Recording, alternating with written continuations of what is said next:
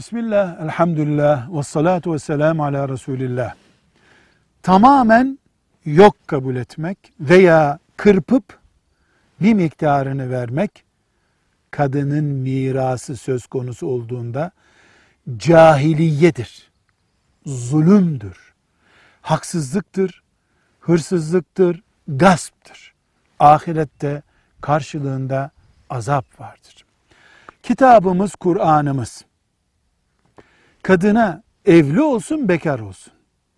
Ne kadar hak verdiyse o hak kuruşuna kadar, santimine kadar kadına verilmelidir.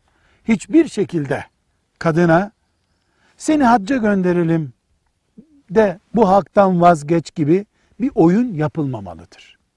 Kadın kendi rızasıyla ferahat eder, bir sıkıntı yok.